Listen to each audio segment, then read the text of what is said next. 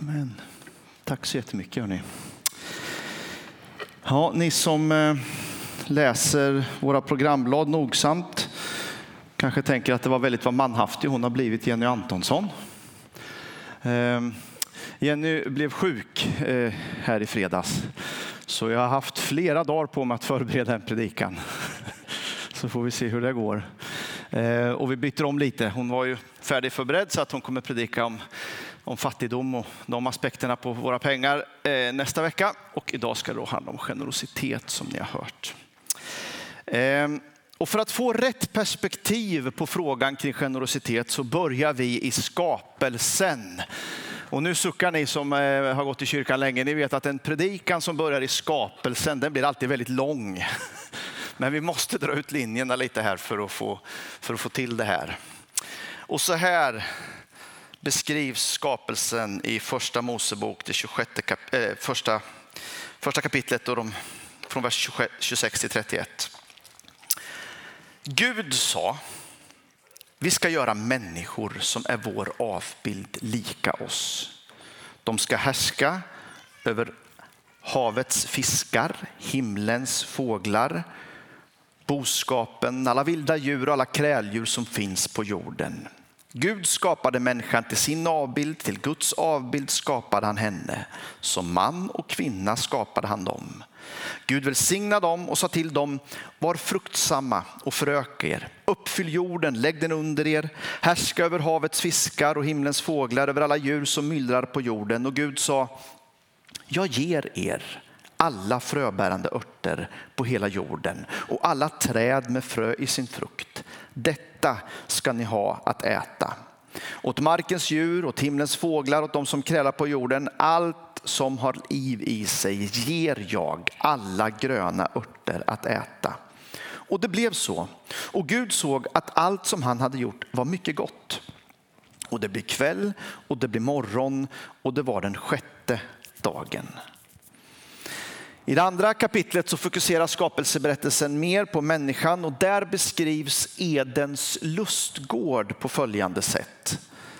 En flod rinner upp i Eden och bevattnar trädgården. Sedan delar den sig i fyra armar. Den första heter Pishon, den flyter kring Havila, ett land där det finns guld. Guldet i det landet är fint och där finns också bdelliumharts och onyxsten. Den andra floden heter Gishon och den flyter kring Kurs. Den tredje floden heter Tigris, den rinner öster om Assyrien. Och den fjärde floden är Eufrat. För att få rätt perspektiv på den här eh, tanken kring generositet så skulle jag vilja att du tänker dig skapelsens morgon som en stor fest där Gud bjuder in människan att ta del av allt och allt finns i överflöd. Gud har berett marken, han har gett oss föda, där finns rikedom och så säger han ta för er. Allt är serverat, allt är framdukat. Välkommen. Och det är utifrån det perspektivet som vi kan fundera över vår egen roll och vår egen funktion i skapelsen. Här har Gud satt dig med dina tillgångar och allt det du har är det givet av Gud. Predikaren, en cynisk och eh, klarsynt och ibland lite komisk eh, skribent i Gamla Testamentet, han gör en del iakttagelser kring livet. Och I sitt femte kapitel och i den nionde versen så konstaterar han att den som älskar pengar blir aldrig mätt på pengar. Och den som älskar rikedom får aldrig nog. Även detta är tomhet, säger han. Men han konstaterar samtidigt i samma kapitel, lite längre ner, jag har också sett något annat, säger han. Det är gott och skönt för människan att äta och dricka och finna glädje mitt i all sin möda under solen. De dagar Gud har gett henne att leva, det är hennes beskärda del. När Gud ger en människa gods och guld och förmåga att njuta av det, ta ut sin del och vara glad under sin möda, då är det en gåva från Gud. Hon tänker knappt på hur livsdagen försvinner, ty hon har fullt upp med den glädje som Gud ger. Det här är perspektivet på rikedom och på generositet som vi behöver ha innan vi går in i, i, i detaljer. Det vill säga, Gud har gett oss allt fritt och förintet. Jorden är min och allt den rymmer, säger Herren. Det gör dig och mig till förvaltare av Guds egendomar. Och Gud har gett dig av sitt överflöd så att det räcker.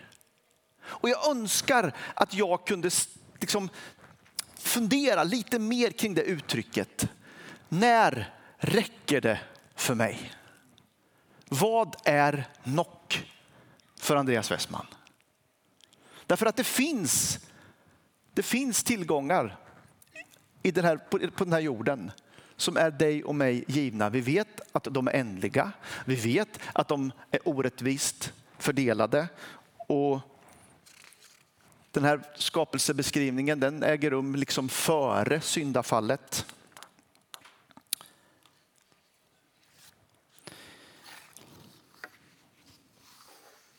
När Paulus beskriver mänsklighetens så är hans analys ganska så bitter. I Romarbrevet 1 och 28 skriver han, eftersom de föraktade kunskapen om Gud så lät han dem hemfalla åt föraktliga tankesätt och de gjorde det som inte får göras. Uppfyllda av all slags orättfärdighet, elakhet, själviskhet, ondska, fulla av avund, blodtörst, stridslystnad, svek och illvilja. Det är en analys över mänskligheten som går att lägga på vilken tid, vilket sammanhang, vilket, vilket folk som helst. Avundsjukan. Allt det där som Gud har gett oss. Och så ser jag att du har fått lite mer än mig. Mm. Och du verkar... Och så tittar jag med liksom giriga ögon på det Gud har gett dig. Eller så litar jag inte längre på att det är Gud som förser och Gud kommer att ta hand om mig utan jag tar till mig mer. Mer av kakan, mer till mig. Själviskheten liksom på fäste i våra liv.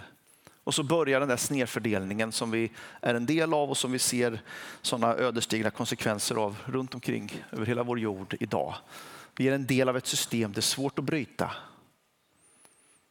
Men det är syndafallet som har förstört den där goda balansen. Därför att Gud ger i överflöd. Bara ett litet exempel. De säger ju att vi lever i en energikris. Eh, jag har under den här våren gått och blivit solfarmare. Vet ni vad det är? Det är en sån som installerar solceller på taket. Och jag är så glad varje dag det skiner. För det betyder liksom mindre elräkningar och, och, eh, att ta del faktiskt av den energin som finns där ute. Och jag läste på Fortums hemsida när jag, när jag gjorde den här researchen som man gör då när man räknar ut huruvida det är vettigt att ha de här solfångarna eller inte. Men på två timmar tar jorden ifrån solen emot lika mycket energi som hela världens befolkning använder under ett år. På två timmar så är solens energi lika mycket som hela jordens befolkning använder under ett år.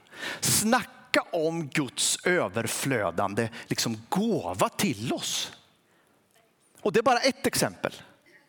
Tänk om vi bara kunde liksom ta nyttja en bråkdel av den där solenergin så vore energikrisen löst. Alltså vi lever i ett gästabud där Gud har gett oss så mycket och framförallt oss här i den rika västvärlden. Det är sant att människor liksom går under av svält och fattigdom och det är orättvist fördelat. Men från början var det inte tänkt så. Från början var det ett rättvist gästabud där hela jorden överflödar av Guds rika gåvor. Och det vi har, det har vi fått ifrån Gud och vi är hans förvaltare. Amen. Det var min inledning. Nu ska vi börja predika. Så vi reser oss upp och lyssnar till Guds ord ifrån Matteus 6, versen 19 till 34. Jesus i sin bergspredikan undervisar om tillgång, materialism och det vi har fått ifrån Gud.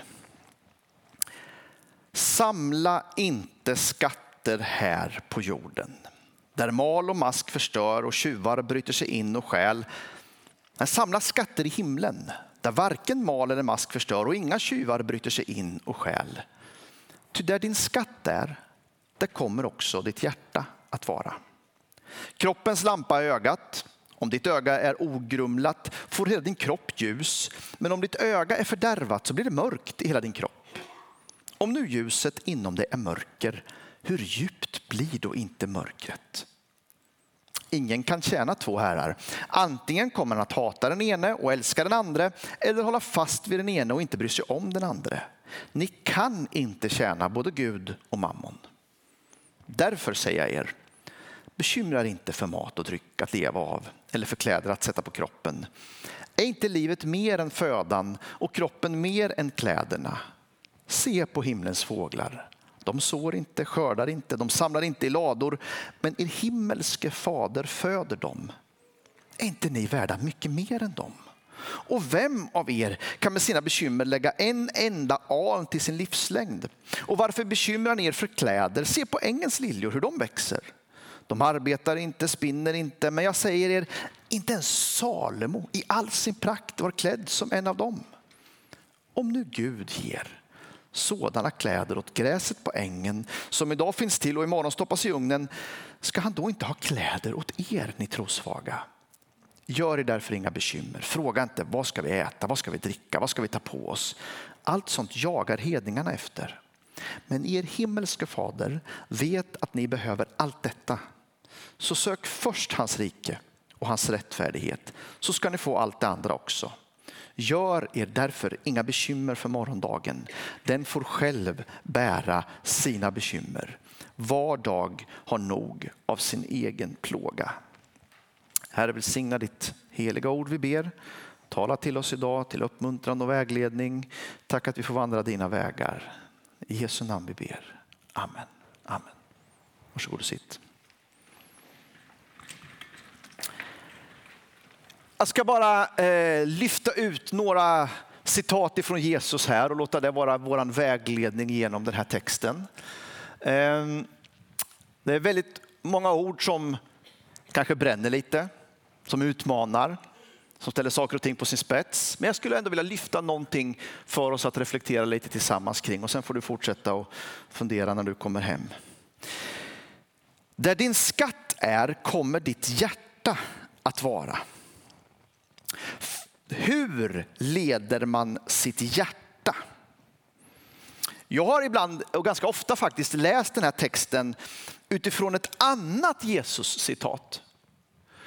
Där Jesus konstaterar att det hjärtat är fullt av, det talar munnen i Lukas 6.46. Hennes mun säger vad hjärtat är fullt av.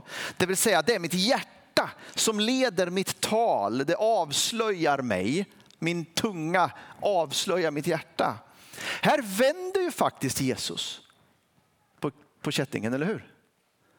Och så säger han, där du placerar din skatt, åt, åt, åt det hållet kommer ditt hjärta att dras.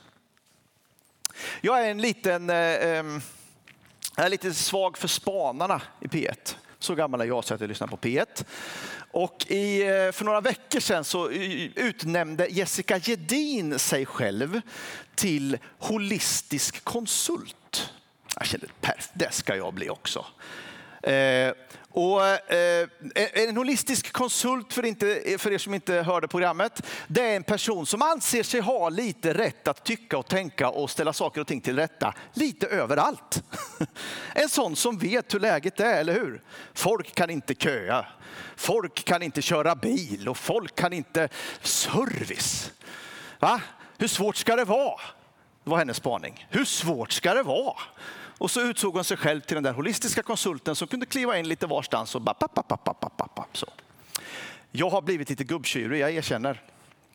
Jag har också den tendensen ibland att se mig omkring och tänka, ah, skärpning, kan inte ens köa, eh, vad är det här? Jag var i Italien förra veckan. Pff, vilket folk alltså. Va? Hur svårt ska det vara?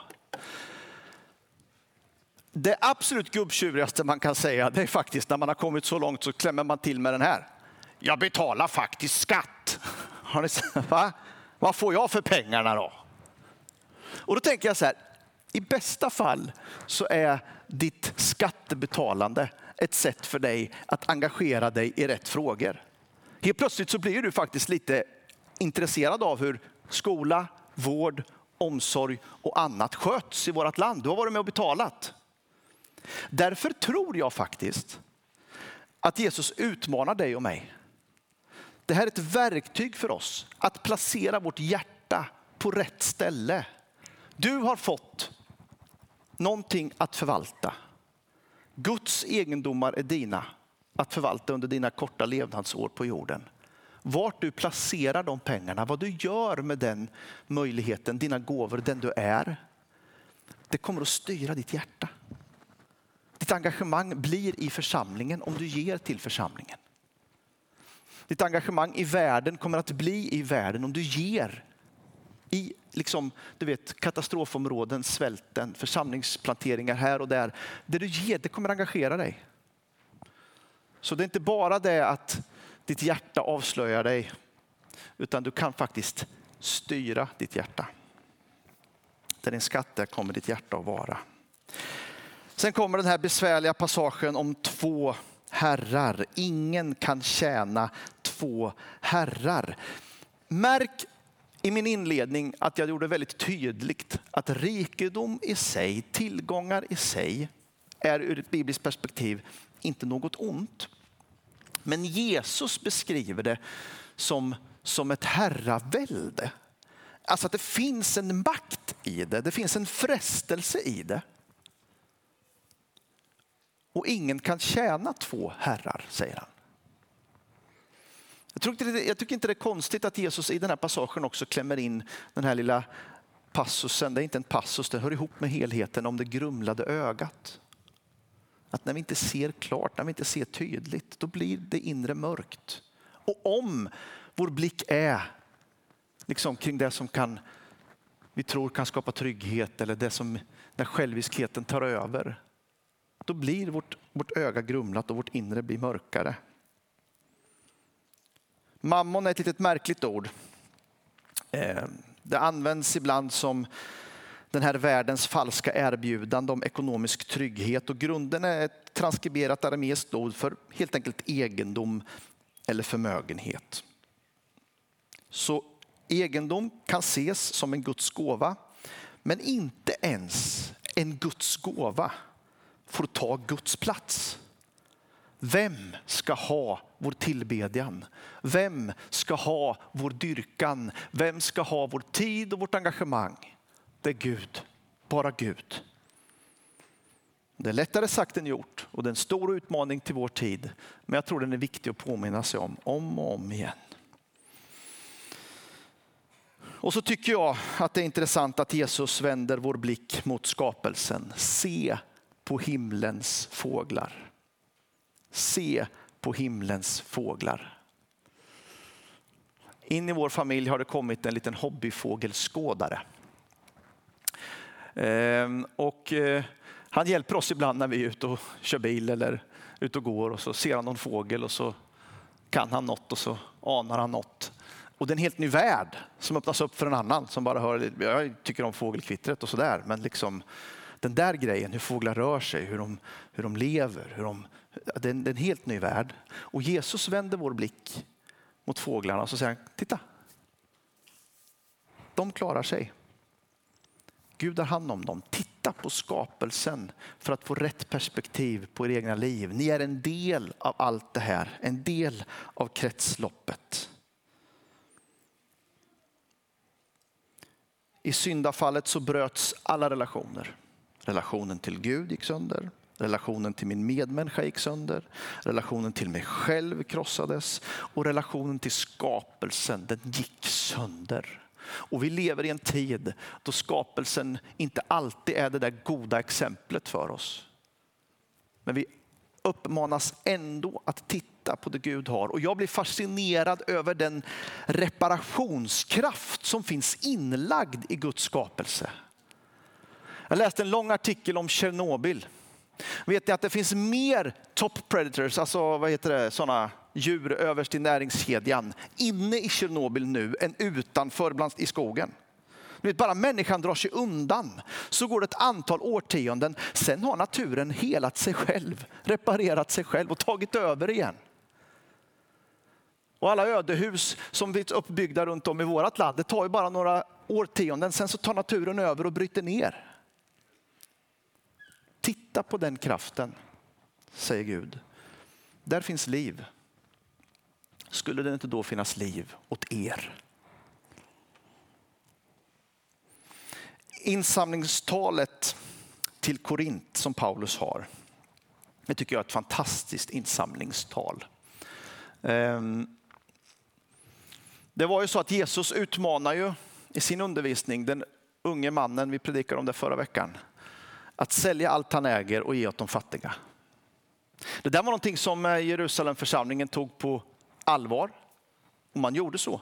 Man levde så. Man sålde allt man ägde och hade. Man tänkte Jesus kommer i, i övermorgon. Nu, nu, är det liksom, nu delar vi ut åt alla här, alla som behöver, alla som får. Det var en enorm generositet som sprang i den där första kyrkan. Nu verkar inte det vara ett system som Paulus följer upp och som han undervisar om och som ska vara liksom mål, liksom målbilden för kyrkan rent praktiskt. Men jag tror att rent, rent liksom bildligt ska det vara så. Det du har är inte ditt. Det tillhör, det tillhör alla. Var generös. Så samma blick på skapelsen, på kraften i skapelsen, på Guds omsorg i skapelsen har Paulus när han sen då på grund av detta så antar man att församlingen i Jerusalem det blev en ekonomisk kollaps där. Man fick det tufft liksom, på grund av den här praktiken. Och så ordnar Paulus med en insamling bland de församlingar han har, han har eh, planterat. Och så skriver, han så här i andra Korintierbrevet 9, versen 6-11. Kom ihåg, den som sår snålt får en snål skörd och den som sår rikligt får en riklig skörd. Var och en ska ges som han har beslutat i sitt hjärta, inte med olust eller tvång. Ty Gud älskar en glad givare. Gud förmår ge er allt gott i överflöd så att ni alltid har vad ni behöver och själva kan ge i överflöd till varje gott ändamål. Det står ju skrivet, han strör ut, han ger åt de fattiga, hans rättfärdighet varar i evighet. Han som ger säd så att och så och bröd att äta. Han ska ge er utsäde och mångdubbelt det och låta er rättfärdighet ge god avkastning. Ni blir rika på allt och kan visa en gränslös frikostighet som framkallar tacksägelse till Gud när jag förmedlar gåvan. Fader vår som är i himmelen. En bön som är tänkt att bedjas varje dag. Ge oss idag vårt bröd för dagen som kommer. När vi pratar om att Gud förser, att Guds överflöd flödar över till dig så handlar det om det som är nödvändigt. Det som är nödvändigt för dig och mig att leva, det vill Gud förse med. Det finns andra tongångar i många kyrkor som talar om att vi får, får del av Guds överflöd till liksom extrem rikedom och framgång och allt det där. Det kan hända att, att det blir så för dig, det kan hända att det blir så för några, men Guds fokus för dig och mig är det nödvändiga vi behöver för varje dag. Och du vet, riktig generositet, det handlar om att ge och inte förvänta sig någonting tillbaks. För när jag ger till Guds församling eller till någonting annat och så tänker jag om jag ger så ska jag få. Då är det plötsligt ingen gåva längre, eller hur? Då är det jag köpslår ju jag med Gud. Och det pratar inte Bibeln någonting om. Jag kan inte handla med Gud. Men när vi ger och ger fritt och förintet och inte tänker på att vi ska ha någonting tillbaks. I den generositeten så kommer Gud att möta oss med att ge oss det vi behöver för våran dagar som kommer. Så se på himlens fåglar. Till sist då. Så säger Jesus när han har riktat vår blick mot skapelsen. Så säger han om nu Gud ger. Och jag skulle vilja avsluta här idag med att verkligen, verkligen tala om för dig hur mycket Gud har gett oss. Det är Guds generositet mot oss som förlöser vår egen generositet i den här världen. För Gud stoppade inte vid skapelsens stora gåva. Han stoppade inte vid maten, vid de fröbärande örterna, vid allt det där vi fick att äta. Han stoppade inte vid guldet vid floden. Han stoppade inte med all, med all rikedom, utan han gav oss sin enda son. Ty så älskade Gud världen att han gav den. Han gav den sin enda son. Och Paulus konstaterar i Romarbrevet 8 och 31, vad innebär nu detta? Jo, om Gud är för oss, vem kan då vara emot oss? Han som inte skonade sin egen son utan utlämnade honom för att hjälpa oss alla. Varför ska han inte skänka oss allt med honom? Allt har vi fått. Allt vi behöver. Och här menar Paulus såklart inte bara det materiella utan allt annat vi behöver för att leva och andas. Alla gåvor vi behöver för att liksom bygga hans rike. Allt det vi behöver för att tjäna honom. Allt det där är givet till oss. Och Jesu generositet, den känner inga gränser. Så här beskriver Paulus det i Filipperbrevets andra kapitel. Låt det sinnelag råda hos er som också fanns hos Kristus Jesus. Han ägde Guds gestalt men vakade inte över sin jämlikhet med Gud utan avstod från allt och antog en tjänares gestalt då han blev som en av oss. När han till det yttre hade blivit en människa så gjorde han sig ödmjuk och var lydig ända till döden. Döden på ett kors. Den här texten talar om att Jesus han, han tömde sig på allt det gudomliga. Och så blev han människa. Han avstod ifrån allt. Vilken enorm utmaning till oss som följer i Jesu fotspår, som gör honom till vår förebild. Allt det du har, allt det du har fått, litet eller mycket, det tillhör Herren. Och att kunna vara så fri från det, så att jag i generositet tänker, varsågod. Det är inte mitt. Dyker jag på ett behov, dyker jag på ett sammanhang, jag är med och hjälper, jag är med och stöttar med min tid, med mitt engagemang, med mina pengar, mina gåvor. Jag tömmer mig själv. Väldigt lätt att predika, väldigt lätt att tala om. Mycket svårare att leva. Men det är Jesus som är vår förebild i detta. Och han utmanar vår generositet. Och nu kanske jag som en ansvarsfull föreståndare borde vädja till er att vara generös och ge till församlingen och fortsätta och tömma er själva. och ehm, det gör jag såklart. Det finns en, en, eh, en princip här som är viktig och som vi lever efter och som vi har levt efter i, i all vår livstid. Vi ger till det gemensamma så att vi kan göra saker i vår stad. Men det viktigaste, vet du, det viktigaste är att vi ger oss själva till Gud. Det är den största gåvan. Att helt och hållet överlämna oss i Guds händer. Det är där det börjar. Det är den stora gåvan som du kan ge till Gud. Kom, följ mig. Låt oss börja knä vid det där korset och överlämna oss själva. För all generositet börjar med att jag ger mig själv till Gud. Ta mitt liv, Herre. Ta mina tillgångar, ta min talang, ta min tid. Allt tillhör dig. Jag överlämnar mig helt till dig. Jesu uppmaning att först söka Guds rike, det är en utmaning. Men det är också lite att vila. Eller hur? Allt det där jagandet, all oro, allt det som trycker på. Att lita på att Gud har omsorg om mig. Att placera min säkerhet hos honom som har skapat himmel och jord och hav och allt vad de rymmer. Han har omsorg om mig. Jag hoppas att det jag har försökt att förmedla idag har varit en, en inbjudan att vi tillsammans ska söka Guds rike.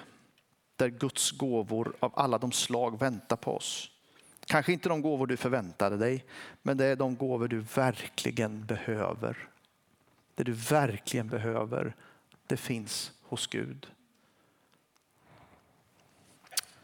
Festbordet, gästabudet, den generösa guden. Han har dukat upp här nu. Han är här och vill möta med dig.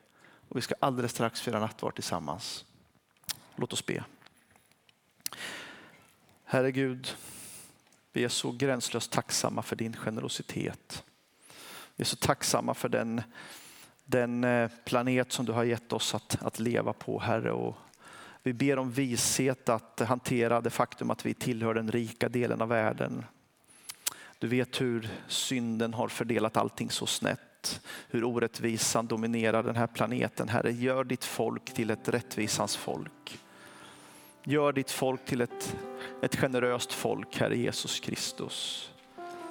Jag ber att du ska tala till oss om, om det vi har fått, att vi ska kunna hantera det som visa förvaltare.